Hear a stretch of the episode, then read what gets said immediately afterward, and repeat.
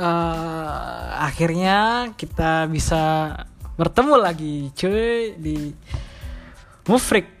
buat bagi kalian yang belum tahu